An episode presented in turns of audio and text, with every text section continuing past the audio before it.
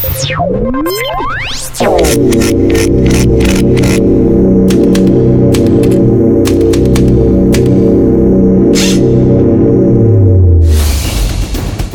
v Počrtu podkastu, z vami sva Lenard Kučič in Taja Topolovic in danes bomo govorili o stvarih, eh, o katerih ne smemo govoriti. Ja, to je res. Eh, prvo sem imela, koliko podkastov sem imela tako na, na listkih že zdefiniranih, kaj bova vse imela za tokratno epizodo. Mislim, da je bilo njih 5-6 tem, pa so pa eno predstavila, ena ni znesla. No, ampak glavni razlog je pa, da uh, imamo zdaj en tak dober razlog, da se pogovarjamo o duhovih. Ja, to je v bistvu bil um, zanimiv izziv, kako narediti podcast okoli tematike, o kateri zaradi uh, začasne sodne odredbe, na podlagi katere so bili članki o tej temi umaknjeni s počrto.si, ne smemo govoriti. Oziroma, niti tega ne vemo, ali smemo govoriti o tem, da tega ne smemo govoriti. Tako je, in ali smo smeli objaviti. Pač imamo eno tako zanimivo dilemo, kaj lahko povemo o tem, o čemer ne smemo govoriti. Zdaj, če ste spremljali dogajanje na počrtu v zadnjem mesecu, smo mi objavili pregledni članek, eh, v katerem smo se ukvarjali s pritiski na počrto. Prvo je to, da nas sodno preganja SOVA, Slovenska obveščevalna agencija. Eh, drugo je to, da smo še zmeraj upleteni v primer Jankovič.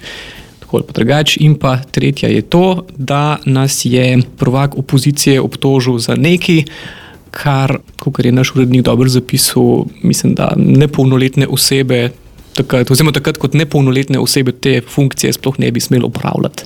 To je tale podcast, bo mečken drugačen od prejšnjih. Prvi je to, da vam midva sta res takoj prišla k stvari in povabila našega urednika Anžeta, da pokomentira pritiske, o katerih se govorila. Druga stvar je pa to, da bomo imela prve tuje goste. Res je in sicer skušala bova vsemu skupaj, torej vprašanju izvajanja pritiskov na novinarstvo in trendov na tem področju, dati tudi neko globalno perspektivo. Tako da prihaja Anže. Pridružil se nam je torej Anže, avtor obeh zgodb. Pa začnimo najprej pri Sovi in sicer problema tukaj sta dva. Prvi je tajnost celotnega postopka. Lahko razložiš, kaj je pravzaprav problem tukaj?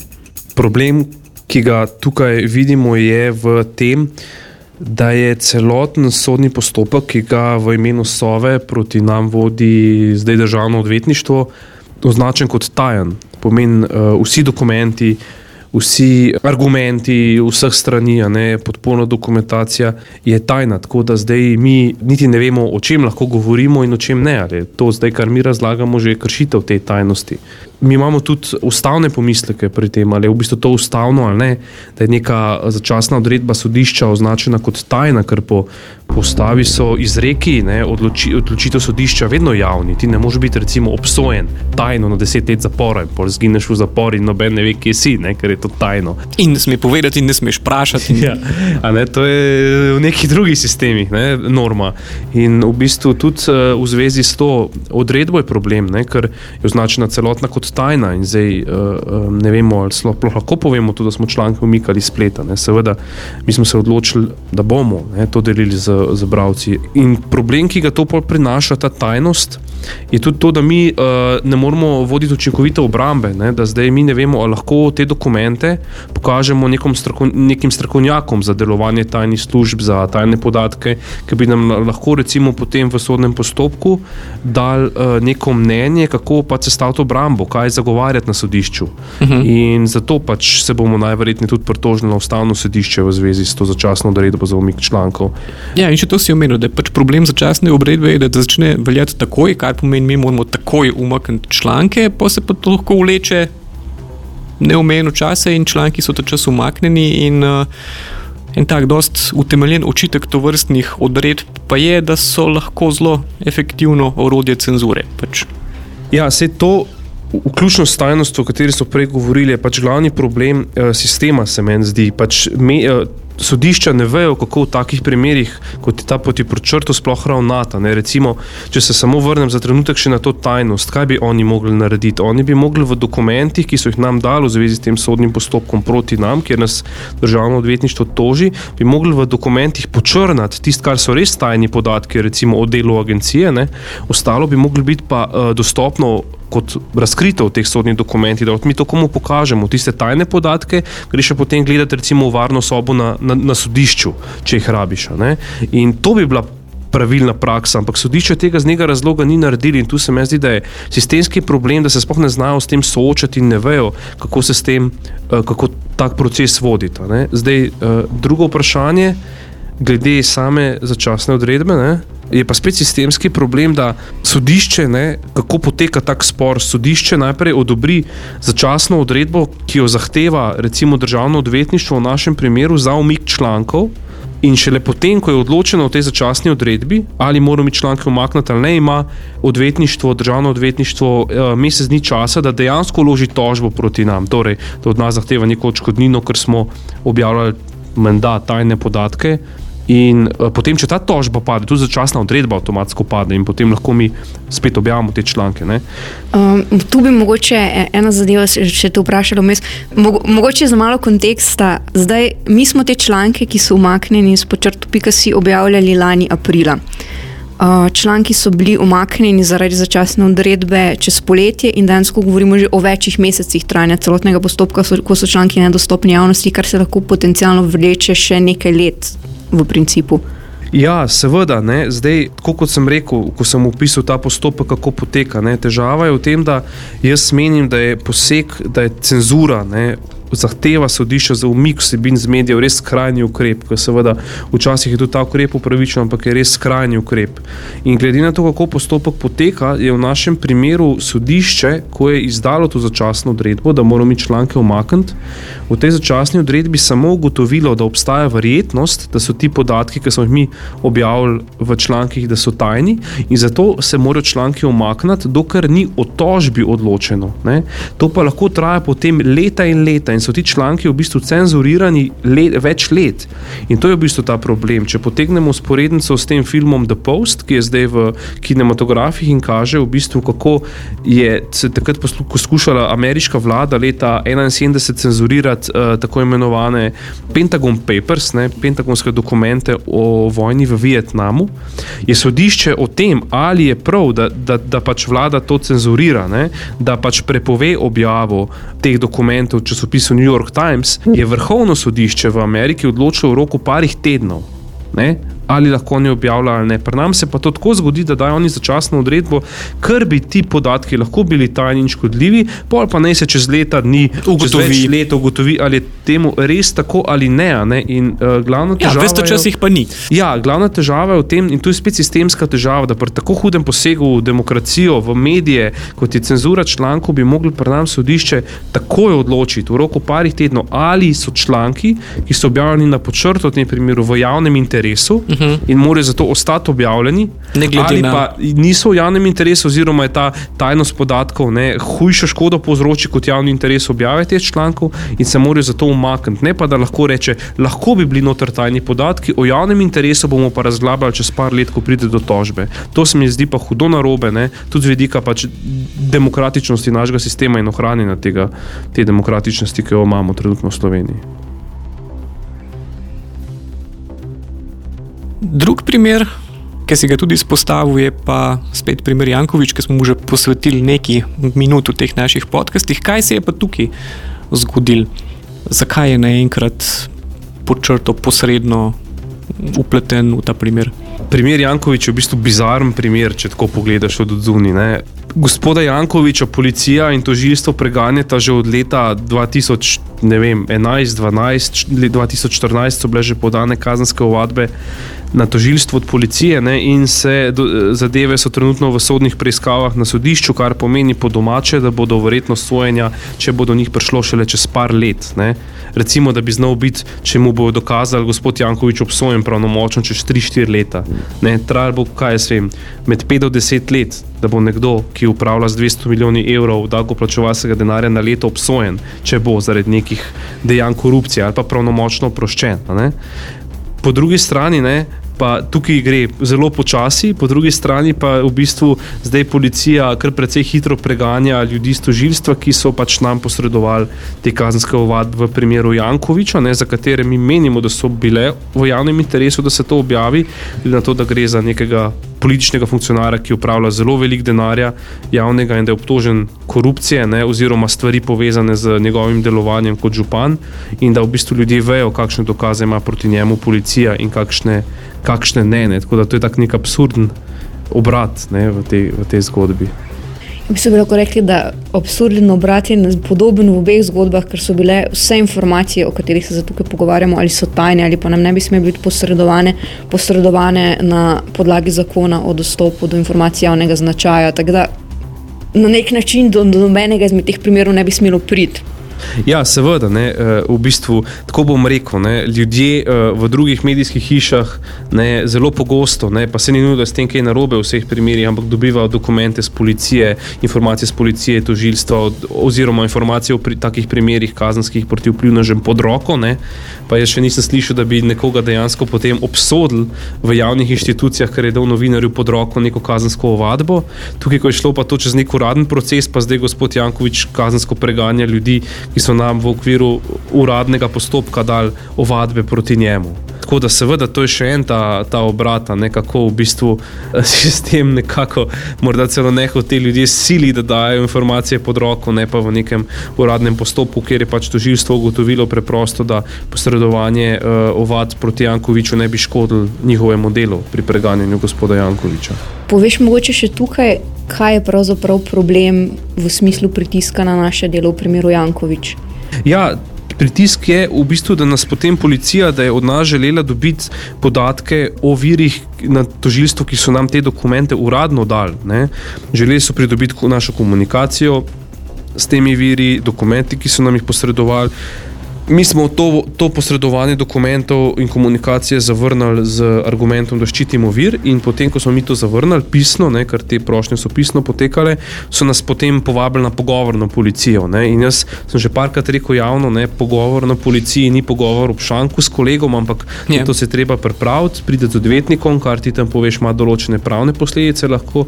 In seveda je to za vsakega novinarja pritisk.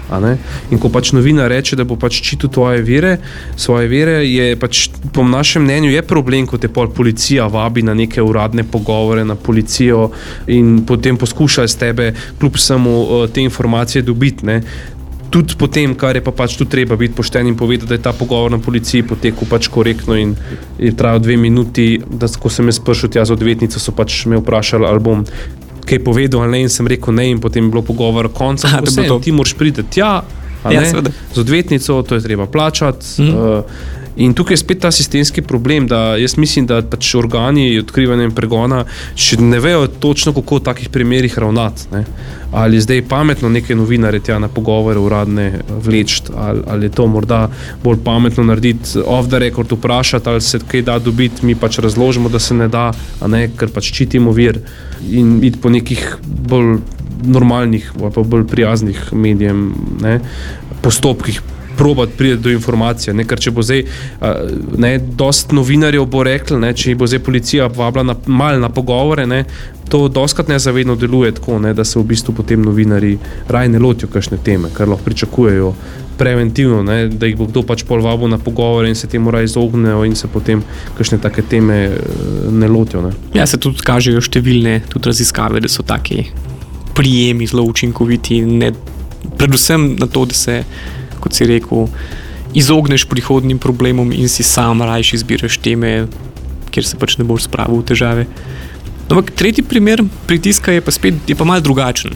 To pa ni, ni informativni pogovor, pa to, ampak je nekaj, kar so izpostavili naši novinarski kolegi, zlasti v ZDA. Recimo, ko so bili izpostavljeni takim in drugačnim tvitom sedanjega predsednika države, ki se je tudi včasih pol branil, ja, pa se malo hecam, pa ne smete tega tako resno jemati. Pa tudi recimo drugi so ki rekli, pa dobro, si Trump in tako govori neumnosti, pa vse. Ampak ena novinarka je pa lani na festivalu v Peruči zelo dobro povedala, pa je rekla, ja, ampak če ti predsednik države tako na družabnih omrežjih žal. Grdo širi, širi sovraštvo in podobno. Komu se boš pa ti pa v tej državi pritožil. Pa če malo poveš še to našo prigodo in zakaj smo to tudi vključili kot obliko pritiska in smo rekli, ne, ne bomo se šli tukaj normalizacije, pa rekli, da je pač prvak opozicije pač tak, da tako pač komunicira na Twitterju. Mislim, da tukaj je problem dvojen. Ne? Eno je, da smo v Sloveniji postali kar nekako, kar zadeva tvite gospoda Janša, kar nekako imuni na to. Ne? On bruha tam žveplo in ogen na tem svojem Twitter profilu in mi kar zamahnemo z rokom. Ja, pa se to je pač naš Janez, ali kako bi rekel, ne? pač standard, ne? komunikacijski. Ampak ja, ta, ta človek lahko postane uh, um, premijer pač ne? tudi uh, letos. Ja, ne? tudi že bil. Ja. Uh, tudi že bil dvakrat, lahko je pa še tretjič. Uh -huh. In seveda so take, jaz mislim, da ne smemo biti tu imuni na tako komunikacijo ne? in da se zmere nekoga z odbaši. Ker on ima tudi, a veste, njegovi voljivci so tudi ljudje, ki jih je recimo Udba prizadela osebno, ne? pač dejanja SDV, ne vse oni so tudi koga kdaj neopravičeno preganjali v prejšnjem sistemu in, in to. In zdaj, če ti nekoga označiš za podbaši, je to tudi pritisk. Nekakšen človek si lahko misli, da pa smo mi res kaj tu povezani in tudi pač ga to morda napelje v kakšna dejanja proti nam. Ne? Zdaj nočem tukaj neke panike zganjati, ampak vseeno. On je nek voditelj nenski, tudi gospod Janša. Ne? V zvezi s tem tvitom bi pa tudi opozoril na nenavadno sočasnost tega Janšega tvita, pa dejstva, da je bil glih v tistem času Janša, kot smo potem zvedeli, obveščen od informacijskega pooblaščenca, da mi zahtevamo tožbo proti Janezu Janši, o, ki jo je vložilo tožilstvo, tožbo za odzem domnevno nezakonitega premoženja, eh, premoženja nezakonitega izvora gospodu Janezu Janši. In zdaj, če je temu tako, ne, kar ne moremo z gotovostjo trditi, da je v bistvu povod za ta njegov tweet bila naša zahteva, da dobimo to dokumentacijo v zvezi s tožbo proti njemu, ne, je pa to spet uh, oblika pritiska na naše delo. Ne, zato, ker bi lahko koga pol potem preiskovanje nekega visokega političnega funkcionarja, kot je Janez Janša, odvrnilo, ne, če ve, da bo potem deležnik takih, takih sovražnih tweetov ne, na, na, na profilu tega gospoda. Ja, še zlasti zato, ker tudi kot v primeru Trumpa, uh, mislim, da je prav Trump enkrat zagrozil eni novinarki, da če pa ne bo dala mir, bo pa nadno poslal svojo tolpo trolov. No. In, uh, hm. Podobne pojave v Sloveniji tudi vidimo, da imajo določeni posamezniki kar precejšno mobilizacijsko moč nad ljudmi, ki ti pol lahko tudi tedne z sovražnim govorom grenijo življenje na družabnih omrežjih. Ja, s tem, da razlika je mogoče samo v tem, da v Ameriki ima vsak drug pištolo, ne pa nam še nismo tako daleč. Ne. Je pa tudi smešna anekdota glede te grožnje Trumpa, predvsem s tožbami, ne, da on je prednji postal predsednik ZDA, nekaj časa napovedal, kako bo on reformiral to zakonodajo, da bo šlo lahko veliki trej tožil mediji, ki o tebi objavlja neke recimo občutljive stvari. Ne. Eh, potem pa so mu nekako baje svetovalci povedali Trumpu, da če on sprejme tako zakonodajo, bo on prvi na udaru, ki ga bo ljudje tožili zaradi teh njegovih tvitev in izjav, in potem je to kar nekako poniknilo v njegovem, mislim, se umaknili iz njegova političnega programa. Čeprav zdaj zadnje dni je spet neki manj, da je uh, govoril, da, da o tem razmišlja, ampak jaz mislim, da glede na to, da če on sprejme bolj zaostreno zakonodajo, mislim, ki bi bolj omogočila tožbe proti medijem ali pa ljudem, ki njega žalijo, da bi v bistvu druge žal, žalijo, ne v narekovajih, bi, sam bi on sam bil glavna žrtev tega. Ne,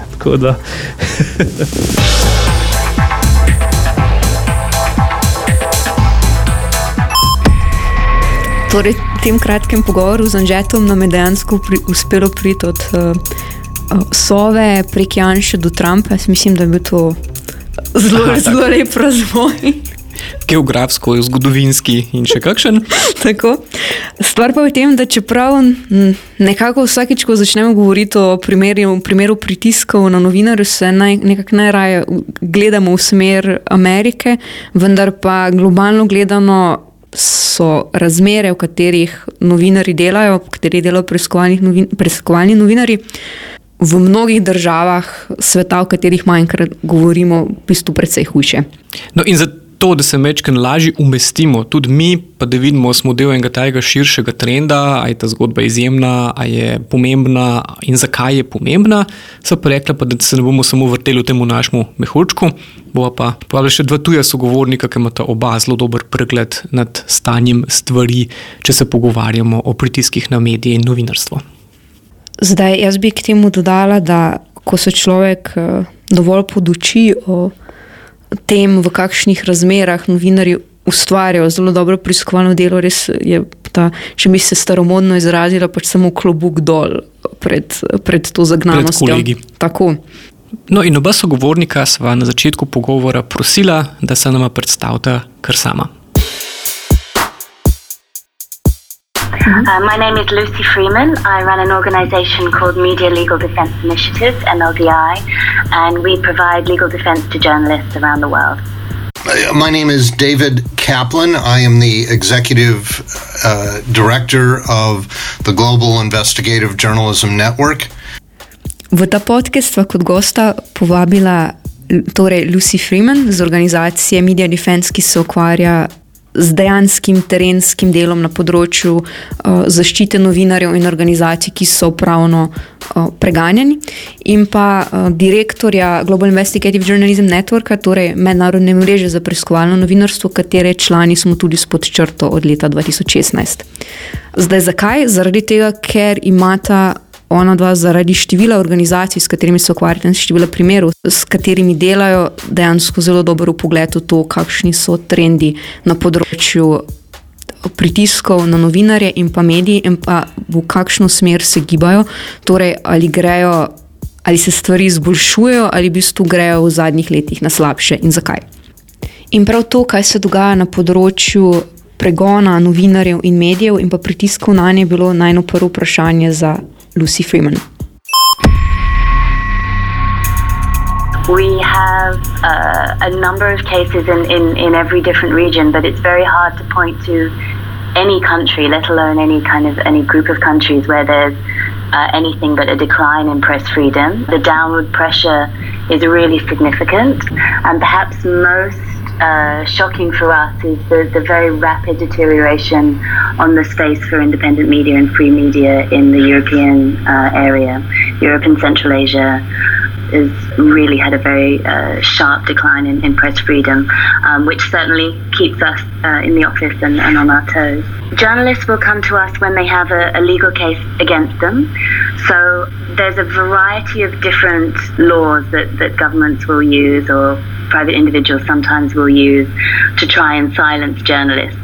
The one thing that they tend to have in common is that they're covering stories that are very uncomfortable for people in, in positions of power. So we see a lot of corruption cases of journalists trying to cover stories of corruption, journalists covering uh, stories of kind of lapses in government accountability or, or, just trying to, you know, sometimes even just trying to, to cover a budget, for example, and a lot covering issues of, around human rights violations, uh, sexual and, and, reproductive rights. Um, those kind of issues are the kind of lightning rods where we see the kind of highest pressure on journalists. O tem, kakšni so v praksi trendi na področju pritiska na novinarje in pregona novinarjev in pa medijev, smo torej govorili z Lucy Freeman. No, zelo podoben pogled, čeprav z mečkem drugačne perspektive, nam je pa predstavil tudi drugi sogovornik David Kaplan. We're in a kind of an arms race. You, you know, we, we've never had better distribution and uh, access to information. Uh, we can communicate better and, and share data and document uh, information. Uh, in, in, some ways, journalists have never had it so good. Uh, on the other hand, we have never faced these kinds of pressures before.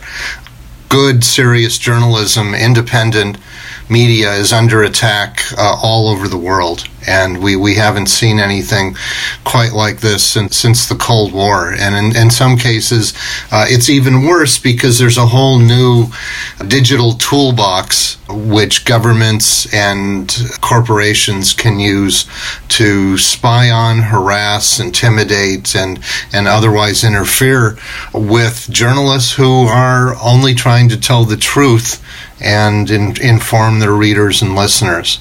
So we find ourselves in this uh, tug of war. We're, we're being, you know, pulled one way by these these authoritarian governments, and even, you know, our, our democratic our democracies are showing a lot of authoritarian tendencies, which is quite uh, worrisome. And they're trying to constrict what the the news media can do.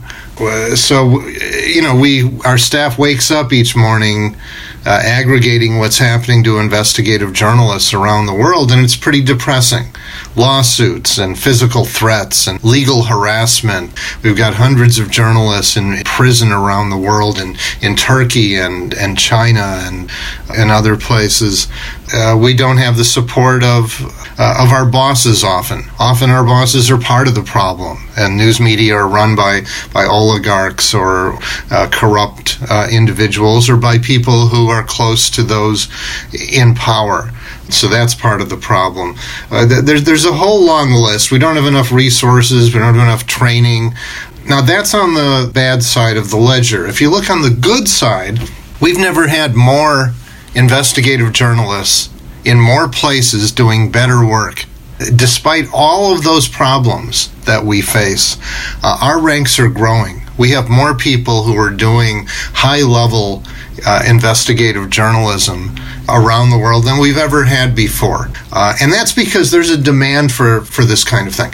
People want to know what's going on in their societies. They want to know how their money's being spent. They want to know uh, how decisions are being made that that affect their lives. That's not going away. That those kind of demands are only going to grow. Which is why I, I say that good, solid, independent journalism is on the right side of history. Uh, ultimately, we're going to see more of it, not less.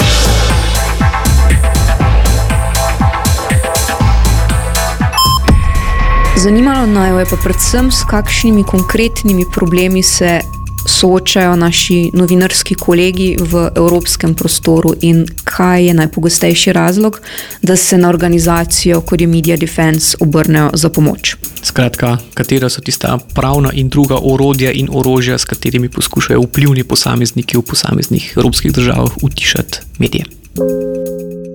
It's very much dependent on the country. So, in countries that still have criminal defamation, that's a very common charge that we see. And in Europe, surprisingly, there are still a number of countries that have that. Um, so, Italy, for example, uh, still locks up journalists.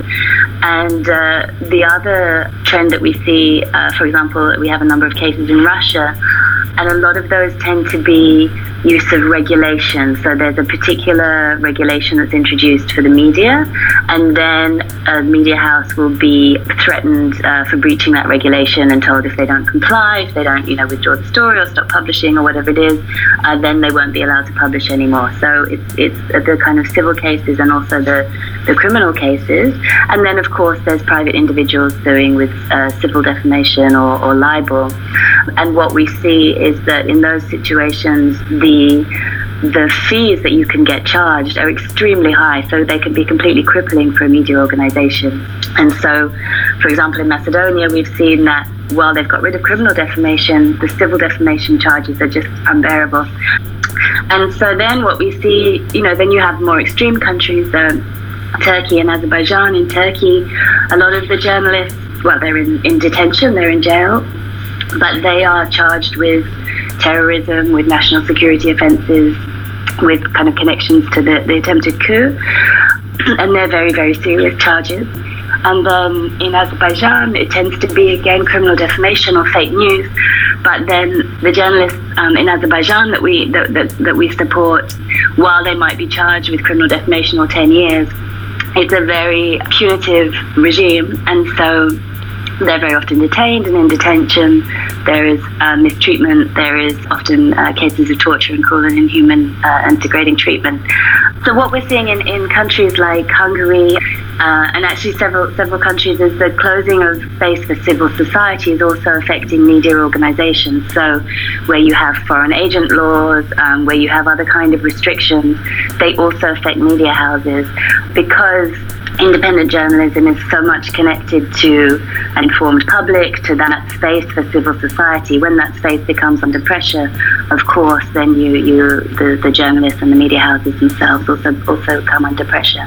We do see journalists as individuals being sued or, or being prosecuted, and I think that's a trend that unfortunately is going to increase because you have, at the same time as all of this other pressure, you have added financial pressures on media houses, on, on publishing houses, where there's less and less money. They're using less and less kind of in-house journalists that, you know, they're cutting their correspondence and they're using stringers, they're using uh, independent freelancers, and so the support available both for litigation, you know, they're they're not covering the legal fees, they're not giving the in-house legal support, but also for physical safety. You know, these journalists are going to very dangerous places. They're covering protest situations. They may be covering conflicts. They may be covering all sorts of things. And that is increasingly draining away.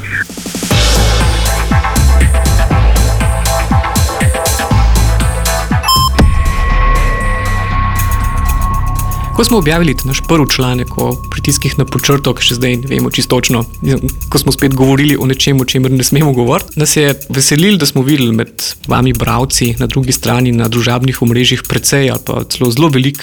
Enih takih izrazov podpore, ampak en tak pogost komentar je bil tudi to, no, sej, se to, da so taki pritiski, pa tožbe in dole je tudi znamenje, da dobro delate. Zdaj, to je sicer morda res, ampak eh, za eno tako manjšo organizacijo, pa to vseeno pomeni kar konkreten problem, kako vzdržati dolgotrajne pravne bitke s precej finančno in drugače močnejšimi nasprotniki.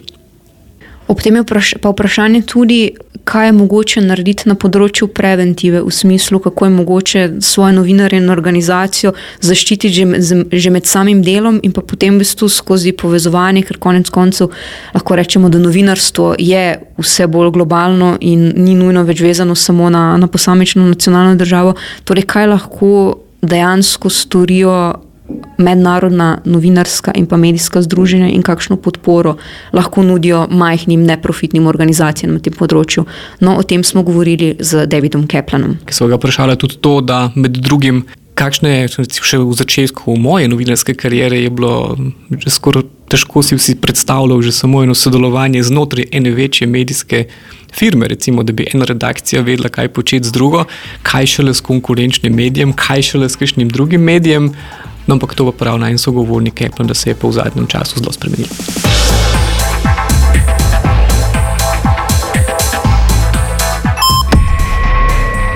The new ethos of sharing helps on a number of levels. Uh, it uh, it connects us much better than we ever have been before. You, you know, the the bad guys went international a long time ago with money and resources, they're able to move money and people and and and goods around the world, you know, literally at the push of a button. The the good guys aren't so well connected. You know, yeah, the, the good cops have a hard time talking to each other.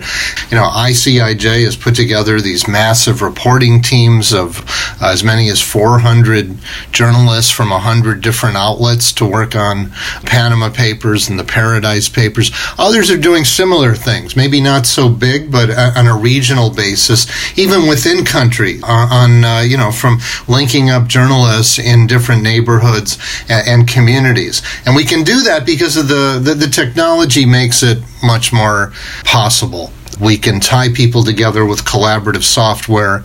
We have cheap uh, communications. We can share documents and data in much easier ways than ever before. So th- this has really been transformative, and it it works to help uh, safeguard our reporters too.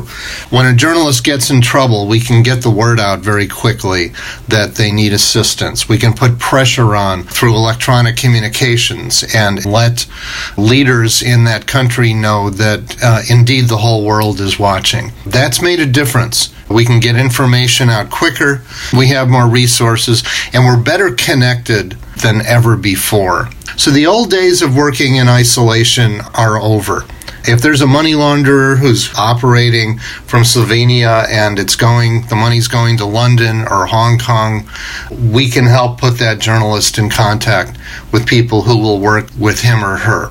That's a whole new direction for journalism, and it's it's pretty exciting. It's much harder to keep a secret today. You know, part of that is because you can put uh, thousands of offshore records on a, a, single thumb drive, and it's it's easy to leak documents today. And part of it is that we're just better connected. So if, if you can't publish it in your country, your neighbor can publish it. These stories are going to get out.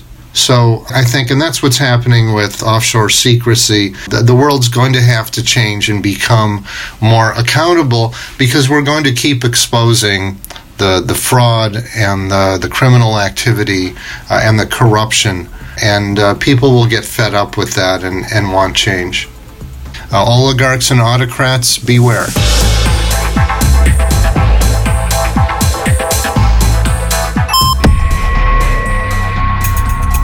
Za na koncu te najne debate z različnimi sogovorniki se meni zdi v bistvu po, pomembno poudariti, da pri pritiskih na novinarje in na medije ne gre samo za vprašanje, ali je mogoče biti novinar in pod kakšnimi pogoji, oziroma čemu so medijski delavci v praksi izpostavljeni, ampak tudi za vprašanje javnosti in njenih pravic, torej kje in v katerih trenutkih vsi priti, tipi pritiskov, o katerih govorimo, rezultira v tem, da se ali mediji in uh, novinari pričnejo samo cenzurirati, zaradi tega, ker si ne morejo privoščiti naslednjega pregona ali kazni, in pa kdaj so informacije, ki bi morale priti v javnost zaradi postopkov proti medijem in pa novinarjem, umaknjene in javnosti nedostopne.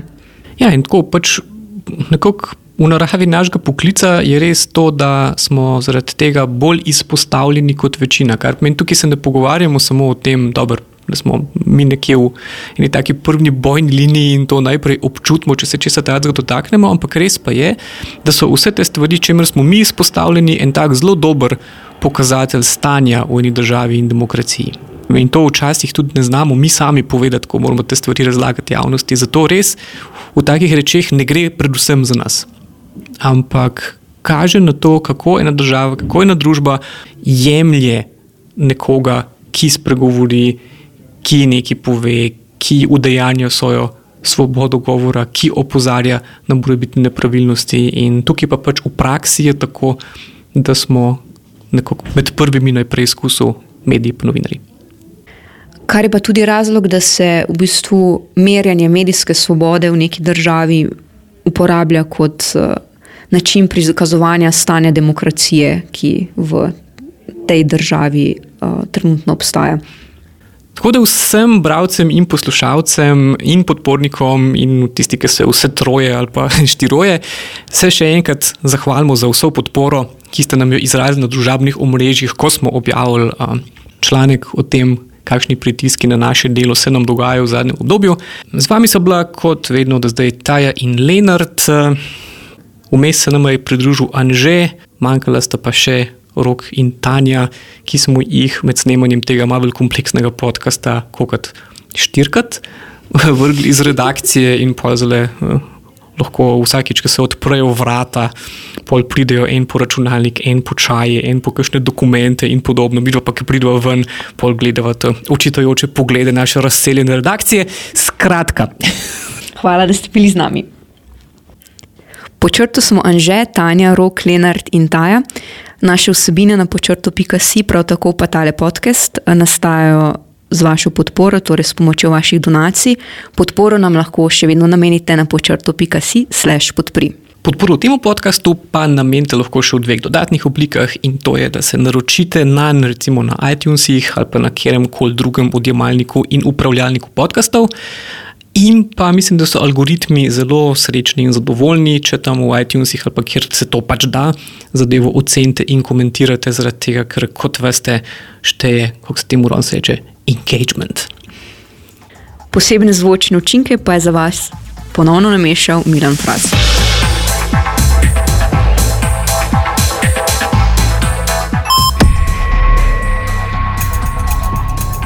Pridruži se nam je torej Anževo Boščic, odgovorni rodnik po črto in avtor zgodb o razkritju